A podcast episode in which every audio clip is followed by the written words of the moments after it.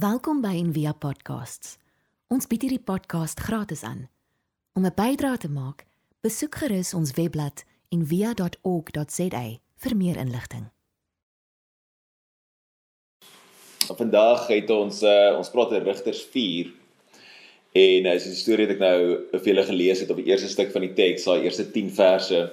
Uh ek hoop ek kon nou 'n bietjie trek hou net van wat wat aangaan in in hierdie verhaal. Uh dis hoe hierdie hierdie epic uh storie wat eintlik nogal wat vir my nogal baie cool is. So vandag net om uh, jouself bietjie weer te plaat is ehm um, dis die laaste Sondag van Koninkrykstyd of wat ons in Engels sê ordinary time.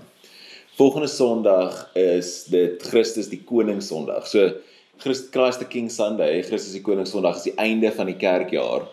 En uh, ek het in die week die nuusbrief as jy gelees het wat ek geskryf, dis so dis die einde van 2020. So die kerk kry so 'n bietjie afslag. Ons het eintlik 2020 bietjie vroeër begin, so nou kry ons 'n klein bietjie afslag. Ons het soos volgende jaar is ou jaar, volgende Sondag is oujaarsaand en dan is ons nuwe dan ons nuwe jaar. So hopelik kan gaan die volgende jaar bietjie beter.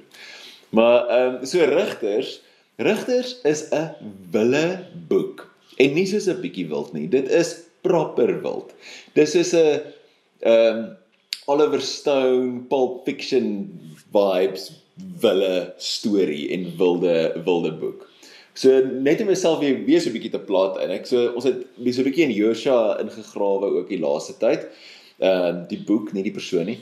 So Josua 24 het ons laasweek oor gepraat waar hy vir die Israeliete gesê het, wie laaste keer gevra het slash gesê het dat hulle God se mense is en dat hulle God se verbond moet hou. Dit was so die wat sê die die oomblik en die groot toespraak wat hy gesê het God het altyd goed vir julle gegee. Nou is dit julle beurt. Hou nou die verbond, stiek by dit. Sodat hulle vir die res van die nasies kan wys wie God is.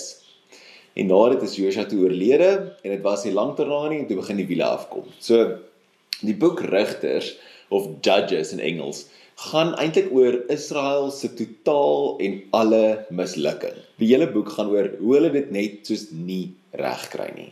Die laaste ding wat Josua vir hulle sê is dat hulle moet die Kanaaniete uitdryf sodat en die rede vir dit is sodat hulle nie so immoreel soos hulle word nie en sodat hulle ook nie die daai afgode begin dien nie. So daai afgode is die Kanaaniete het hulle eie kinders geoffer vir hulle afgode. So dit was nie sommer net weet weet hulle glo ook 'n liefde is net 'n klein bietjie anders nie. Dit was soos baie anders. So hulle het onder andere hulle kinders geoffer en nog 'n paar ander verskriklike goeders gedoen. So maar die Israeliete het dit nie gedoen nie. Hulle het nie geluister nie. En hulle trek sommer net so lekker in die buurt in en begin lekker kuier saam met die Kanaaniete en van daar af gaan dinge net so suid die hele tyd. Ehm um, so rigters, judges is nie dis nie regters nie. Die manier om aan te dink is eintlik aan iets soos 'n soos 'n militêre leier of soos 'n soos 'n tribal chieftain. Dis eintlik kan of meer die idee wat jy in jou kop het. So die maar die boek, die hele boek Rigters is verskriklik ontstellend en super super violent, verskriklik gewelddadig. So daar's soos 6 of hoofrigters um judges en die boek is geskryf in hierdie weird siklus. Dit is soos hierdie uh, jy kan ook hierdie spiraal, so hierdie afwaartse spiraal wat Israel volg volg. So die die die die storie loop so. So Israel Sondag, so hulle begin afgode aanbid, lees, begin hulle kinders offer aan afgode.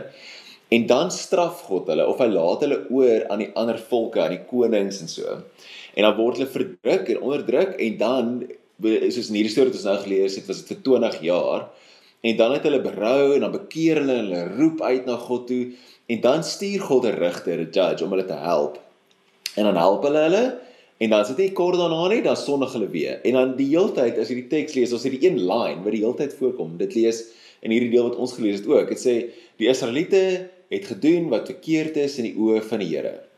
En die die storie gaan so mooi en dan die Engels ek hou van die Engels meer. Dit sê the Israelites did evil in the sight of the Lord. So dit gaan so goed en dan hulle roep en hulle is jammer, dan gaan dit goed, dan gaan sit dan the Israelites did evil in the sight of the Lord. En dan gaan dit weer goed so rukkie dan sê and the Israelites did evil in the sight of the Lord. So oor en oor dieselfde storie. En die stories in die boek is messed up. Soos regtig amper so messed up soos die mense in die boek ook.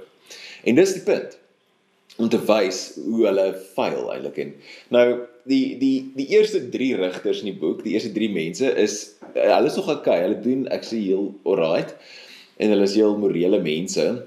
En hulle hulle verhale is so epies en baie baie bloederig.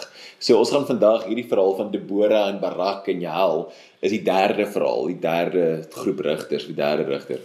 So en dis ons teks vir vandag. Nou die eerste twee Othniel en en Ehud. Ehud was 'n daai Othniel of Othniel wat hoe dit ook al uitspreek. Ehm um, sy storie is baie kort, maar Ehud was dis is 'n dis is 'n movie. As jy dit lees, is soos die die teks sê hy was linkshandig dis nogal 'n weird ding eintlik om neer te skryf ook. So hy was linkshandig en hy het 'n groot swaard gehad. Sy swaard dis 1 cubit, so dis so 45 cm 50 cm swaard sonder die handvatsel. En sy storie speel soos hierdie dis soos 'n movie. Dis regtig soos een of ander Oliver Stone ehm uh, wat sy ander ou wat Pulp Fiction gemaak het, as ek sy naam vergeet. Het hulle dis so vibe. So hy hy gaan na die koning van Moab toe met sy twee snydende swaard En dan sê hy, hierdie great line, dan sê hy ek het 'n boodskap van God af vir jou. En dan steek hom in die in die maag met die mes, pof, met die swaard. So dis letterlik soos daai daai movie sien ons gaan, got a message for you. Ba. En hy sterf hom en dan, maar die koning was so feit dat die teks beskryf dit so in detail, dit is so gross. Dat dat die swaard gaan heeltemal in sy maag in dat die dat die vet die teks sê die vet gaan dan om die handvatsel van die swaard en die hele swaard in die oue. en dan sê dit en toe het hy die Israeliete bevry en alles was mooi en awesome. So soos wat het ek nou net gelees? Dis crazy. En dan um, die volgende ou Shamgar, hy het 600 Filistyne doodgemaak met 'n osdrywerstok. Die stok wat hierdie os om die aanjaag. 600 mense doodgeblik met daai stok. Ek dit is skryf die stories is crazy. So en dit sit in die boek en ek so interessant maak. So dis baie baie bloederig. Ehm um, Gideon wat baie mense ken, Gideon is 'n lafaard in die storie. Hy's besig om die koring van die kaf te skei, maar in in 'n wynpres, nê, nee, waar daar nie wind is nie. So hy's 'n laf, hy's bang die hele tyd. En um, op die ou ene dan maak hy 'n hele klomp Israeliete dood want hulle wil hom nie help nie. Hulle stem nie saam met hom nie, dan maak hulle almal dood. En dan maak hy afgod van die goud wat hy gekry het van die vyand af en maak hy afgod van dit. Dit is so die die wiele kom net soos die hele tyd af in hierdie storie. Die ander ou wat nogal interessant is ook, sy naam is Jafta, maar hy's so 'n maffia tipe karakter. Hy bly in die in die heuwels en dan ehm um, kom hy nou om hulle te help, maar hy is so vervreemd van God af. Hy hy weet hy het so min idee wie die God van Israel is. Hy behandel God soos 'n Kanaanitiese God. Hy hy bid dan sê hy vir God, ehm um, as hy wen, dan beloof hy hy sal sy dogter offer. Dan sê soos die lesers van die boek is van eers van hulle so gaan soos Nee, doen nee. Jy doen dit is die Kana God. Jy kan nie dit jy moet eintlik Anyway, so dis chaos die hele tyd. Samson is ook in die stories, hulle Samson onthou klassiek kinderbybel storie, lang hare, sterk duur. Maar het geen idee wie God is nie. Zero. Hy is super arrogant, baie losbandig, slaap soos die hele tyd rond en baie gewelddadig en sy lewe eindig met soos hierdie massamoord. So dis net chaos en bloed van die begin tot die einde. Nou, wat baie baie interessant is van hierdie boek, nê, is dis dis dis moeilik vir ons om te om te verteer omdat ons in 'n weet vredelewende society leef wat oorlog en sulke goed nie opgehemel word nie en ehm um, dit is vir ons moeilik om te lees, maar die interessant van hierdie boek is dat God gee sy gees vir al hierdie mense. Soos al hierdie selfs hierdie maffia dude Jafta en en Ehud wat sy swaard in die ou se maag, al daai goed dan God gee sy gees vir hulle sodat hulle kan doen wat hulle doen. As Jesus Wag, wat? Hoe hoe werk dit? So dit klink vreemd. Dit klink amper asof asof God goedkeur wat hulle doen. Maar natuurlik is dit nie dit nie. Die wat die punt van hierdie storie is dat dis wat God het om mee te werk. Is soos hierdie screwed up mafia vibe, arrogante, korrupte mense. Dis wat hy het om mee te werk. Maar God is so toegewyd om vir sy mense te sorg. Onthou, dis sy verbond, ek het nou baie gesê. Maar al wat hy het om mee te werk is hierdie korrupte, gewelddadige, losbandige chieftains. Maar hy gaan nog steeds sy mense help. Selfs al moet hy hierdie mense gebruik. So hy gee sy gees vir hulle.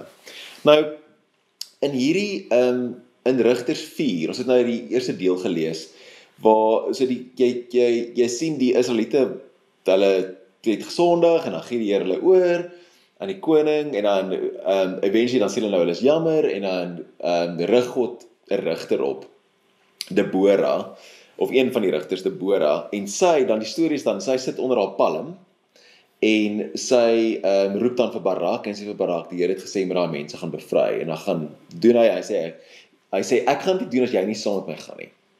En dan gaan sy saam met hom en dis kan nou so ver as so ver as wat ons die teks gelees het, maar ek wil die teks en ek het so klein bietjie verder lees. So ons eindig daar waar ons het nou geëindig met die skriflesing waar ehm um, Barak nou die ander volke, die ander stamme geroep het en sê dat okay, ons gaan nou gaan ons gaan nou hierdie oorlog veg. So die res van die verhaal gaan so. So draai net saam met my, saam met my trek. Ek weet daar's 'n bietjie weird name en goeders in, maar probeer dit kop hou. So in daardie gebied was daar 'n man met die naam Geber, 'n Keniet uit die nageslag van Moses se skoonpa Gobab. Nou Moses se skoonpa Geber, reg? Sê ons is daar.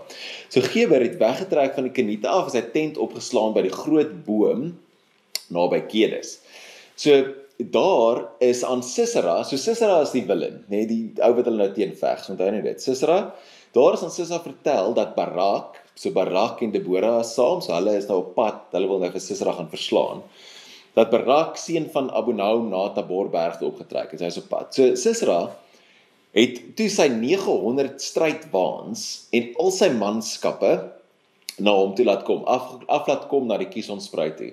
En toe sê Debora vir Barak: "Trek op want vandag gee die Here vir Sisera in jou mag hoor. Die Here gaan voor jou uit."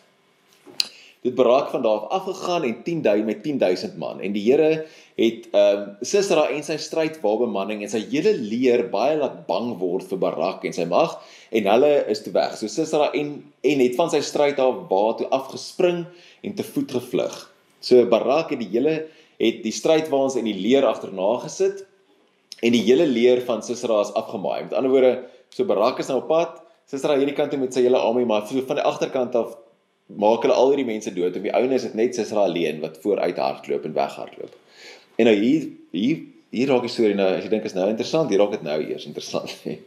so Sisera het te voet gevlug na die tent van Jael, die Keniet Geber se vrou. Onthou Geber van voorheen wat Moses se skoonpa, daai familie vibes na sy vrou. Want koning Jabin van Hazor en die familie van Geber het die Keniet het op goeie voet verkeer. So daar's so iets in ek aan die agtergrond aan die gang want die Keniete het gewerk vir hierdie koning wat hulle onderdruk het, maar Jael is bietjie 'n ander karakter. So Jael het vir Sisera tegemoet gegaan en hom gesê: "Kom hierheen meneer, kom na my toe, moenie bang wees nie." En sy sê vir hom: "Kom kruip hier weg in hierdie tent, want ons ken ons na jou koning, ons is pelle." Toe gaan hy na haar toe in die tent en sy het hom agter 'n gordyn weggesteek. En hy sê dit vir haar, ek is dors, gee my 'n bietjie water om te drink. En sy gee toe nie hom water nie, sy gee hom melk. So waar ons titel in kom, melk en bloed.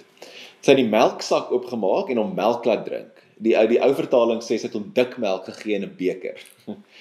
Toe het sy hom weer toegemaak. En hy het wel gesê, staan by die tent deur en as daar iemand kom wat vir jou vra, is hier dalk iemand by jou, dan moet jy sê nee. So met ander woorde, steek my asseblief weg. Ehm um, ja, die vrou van Geber het toe 'n tentpen gevat en met 'n hamer in haar hand is hy siekies na Sesera toe. So hy was moeg en hy het vasgeslaap. En toe ek dit lees nie week ek sê ja, hy het net melk gedrink. Hy het so lekker warm melk gedrink en nou slaap hy. Nou lê hy daar in slaap in die tent. En toe vat sy die tentpen in die hamer en sy slaan die tentpen deur sy slaap ba van sy kop tot in die grond vas aan die ander kant en so is hy dood. En dan so Barak was besig om vir Sisera te agtervolg en Jael het na Barak toe gegaan sê sy vir hom kom hier ek sal vir die man wys wat jy soek en toe Barak by haar kom lê Sisera daar dood met 'n tentpen deur sy slaap. En daardie dag het God vir die koning van Jabin voor die Israeliete verneder en hulle die oorhand oor hom gekry en hulle toe nog gewen, nê? Nee? So crazy, crazy story.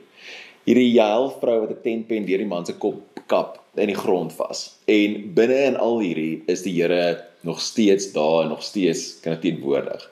So nou wat interessant is van hierdie storie is dan nou kan jy dink maar wat het dit nou met my te doen? Wat het dit te doen met ons in hierdie dag en tyd, hierdie weird epic Oliver Stone vibe storie? Dit is Hierdie Rigters 4 het 'n interessante kan 'n variasie op die patroon van die boek. Die patroon van die boek is afgod, straf, vergifnis, rigter, nê? Nee? En dan die volk wie ewel gedoen en dan afgod dit gaan so siektes. Behalwe hierdie hoofstuk. Hierdie hoofstuk het 3 karakters, nie een nie. Dit het vir Debora, een van die groot vroue leiers in die hele Bybel, ehm um, party mense is bietjie senuweeagtig en val mans teoloog akademikus is hulle hou nie vir haar vanaand nie. Hulle sê sy was net 'n leier om in die mans nie wou nie, maar dis nie heeltemal waar nie. Ek dink sy was baie so indrukwekkend dat Barak het gesê het, hoor ek gaan nie gaan as jy nie gaan nie. Jy moet saamkom. En dan het ons nou obviously Barak die generaal en dan het ons die Kenitiese wat en sy's nie 'n Israeliet nie, vrou met die naam Jael. En dan obviously die villain Sisera, die hoof van die weermag wat hulle teen fight. So die vraag wat baie mense vra as hulle die, die hoofstuk lees, is soos wie is die rigter? Wie is die wie is die een wat die Here deurwerk? Het ons het nie 'n Gideon of 'n Samson of 'n dis hier soos hierdie is nou Debora, is dit nou Barak, is dit nou Jael? En nou en die storie begin met ehm um, die dood van die vorige rigter Ehud en waar die volk nou weer verkeerd gedoen het in die oë van die Here. En dan word hulle nou weer verdruk. En nou wat en dan word hulle onderdruk onder die leiding van hierdie Sisera. En wat onder opvallend is van Sisera se weermag is hulle hulle het goeie tech gehad, goeie tegnologie. Hy het 900 strydwaans van yster gehad. En ehm um, die Israeliete roep dan uit dat God hulle help, maar dan sien ons nie net een karakter nie, maar hierdie 3. En ons sien vir Debora, hierdie profetes. En die die teks daar's interessant. Dit sê sy was 'n vrou van Lapidot, hè. Nou Lapidot beteken lightning. So dit beteken nie noodwendig dit was haar man se naam nie dit is net dit kan ook soos net haar eie call sign wees. Sy was soos hierdie hierdie vrou van weerlig. So 'n uh, fenominale vrou. En dan Debora, maar dan dink mense, o, maar sy is die regter. Maar dan roep sy vir Barak en dan sê sy vir hom, "Maar jy moet gaan en optrek. Die Here sal jou help." En dan sê hy, "Nee, maar ou, ek gaan nie sonder jou nie." Want jy is so bekend en so sterk en sy kry dan die eer. En dan so wie is dan nou die die Here in hierdie storie? En dan Jael, ek hou van jou. Jael is een van my gunsteling karakters in die Bybel. Sy self het baie keer dink ek beskort dalk meer mense soos sy. So sy is 'n Keniet. Dit gaan nie Israel nie. Maar die woord Keniet beteken eystersmid, smid. So dis hulle en sy's verwant aan Moses se skoonpa ook. So daar's so hierdie weird ding aan die gang in die agtergrond. So jy kan dink, mense dink dalk sy's aan die kant van die Israeliete want sy's deel van die Moses klan. Maar dan kom ons ook agter maar sy haar man is hy dis deel van die Keniete en die Keniete is die mense wat die eyster strydwaans gemaak het. So dis hoekom Sisera by haar kom wegkruip het want hy ken haar. En hy ken daai daai daai gesin want hulle het die hulle het die waans gebou. En dan kom sy ook ag by haar wegkruip, sy sal my help. En dan gee sy toe vir hom lekker dik melk en hy raak aan die slaap en kapel, 10 pen deur die kop einde van die storie, hè. Nou, sy kon dit gedoen het dalk om haarself te beskerm met die kan jy dink Debora, die vrou van weerlig, kom in Jael se tent in en hier steek sy die leier weg, die vyand weg. So dalk sy net gedoen om haarself te beskerm, maar nie ter sy sê dis 'n dis 'n gewelddadige storie met 'n om die bos leierery en 'n verskeie agendas en oorlog en melk en dan bloed op jou uit. So nou wat maak ons met dit? Wat maak ons met hierdie storie? Ongelukkig is die mensdom se storie is deurtrek met geweld en met oorlog. En wat so amazing is van die Bybel, so mooi is van dit, is dat dit staan nie terug van daardie ongemaklike waarheid nie.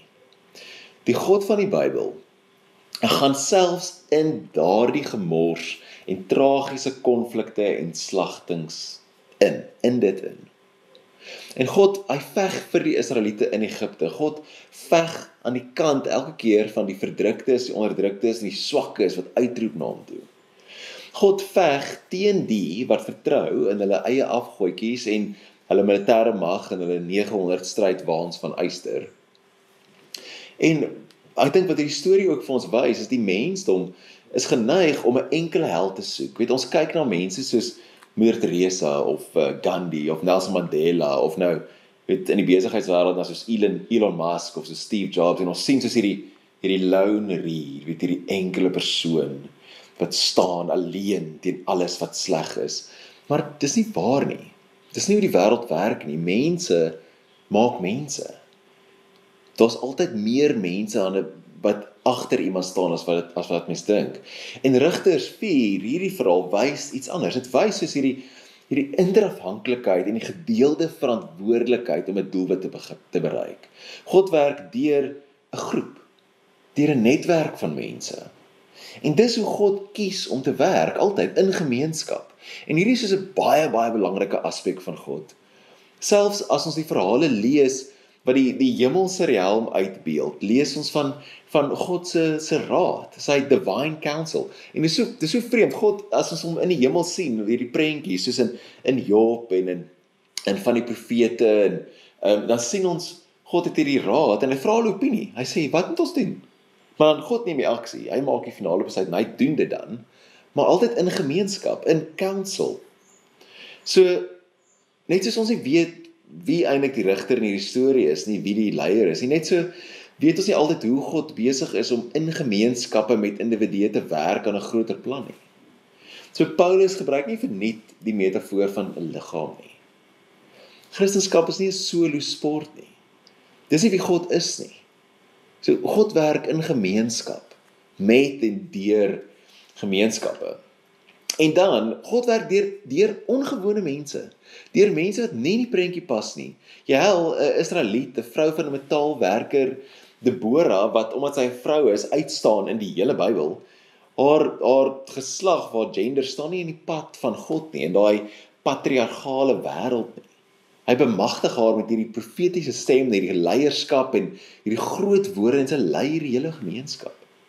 So God werk soos deur ons, deur my, deur jou binne in hierdie gemors waar ons onsself baie keer bevind. En dis wat hierdie storie vir ons wys. En die punt hier is, om dit mee af te sluit, is God kan deur enigiemand werk, selfs al is hulle vreemd. En God werk in enige situasie. Selfs al is die situasies eties dalk nie so korrek en so lekker nie of moreel sit dit nie so lekker aan jou nie, is God is werk altyd. En hy werk veral wanneer hy geëer word as koning. Dis wanneer die Israeliete hulle self bekeer en uitroep na hom toe, dan begin hy oor in aksie.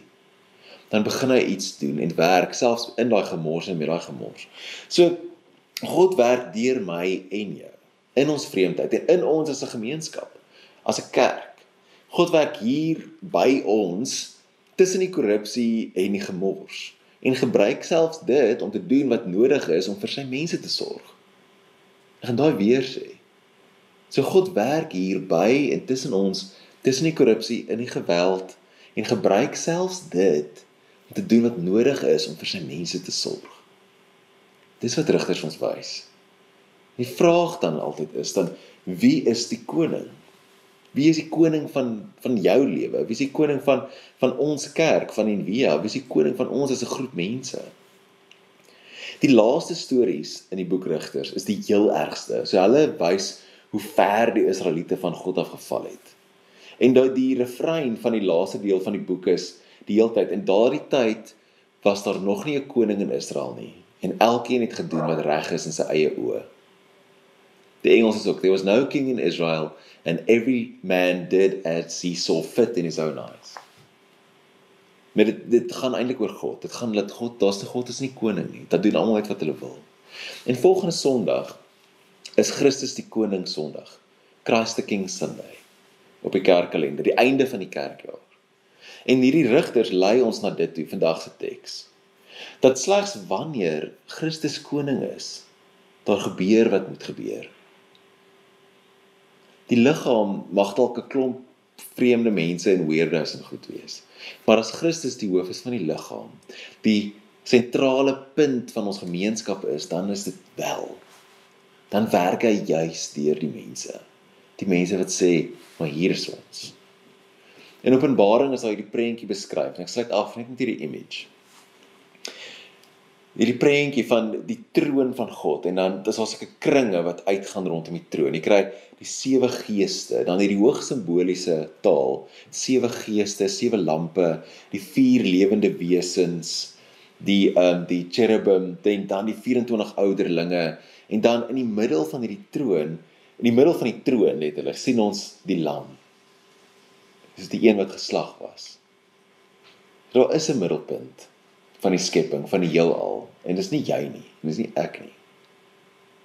En dis nie wat ook al afgod ons nou aanbid nie. Dis Christus, die lam. Mag ons dit onthou. Mag ons onthou dat God selfs in 'n vreemde en 'n moeilike situasie werk en vir ons veg. En mag ons onthou dat Jesus koning is en moet wees van ons lewens, ons kerk, van ons gemeenskap. Ons bid saam, Here. Dankie, dankie Here Jesus dat uh, ons deur hierdie vreemde gewelddadige verhaal ook kan sien dat dat U steeds koning is en moet wees. En dat U deur sulke situasies kan werk en doen en dat U in ons lewens ook werk en doen. Selfs al lyk dit vir ons vreemd en deur mekaar. Dankie dat U saam met ons hier is, hier waar ons ons vel was goed uithaal, hier waar ons net kom soos ons is en dat U nog steeds saam met ons werk en die Gees ons gee om ons te bemagtig. Dankie dat U met ons is. Gee ons die wysheid om goed te leef. Om agter U aan te bly loop en om U aanhou te eer as koning. Sloof U naam. Amen. Jy kan net jou hande so uithou en dan spreek ek vir ons die seën uit. Mag jy in hierdie week regtig beleef hoe God in jou lewe werk. Mag jy hom raak sien, mag jy hom eer as koning van jou hele lewe. Mag jy saam in gemeenskap hom eer as koning van ons lewens. In die naam van die Vader en die Seun en die Heilige Gees. Gaan in vrede. Amen. Ons hoop van harte jy het hierdie podcast geniet of raadsaam gevind. Besoek gerus en via.ok.za vir meer inligting.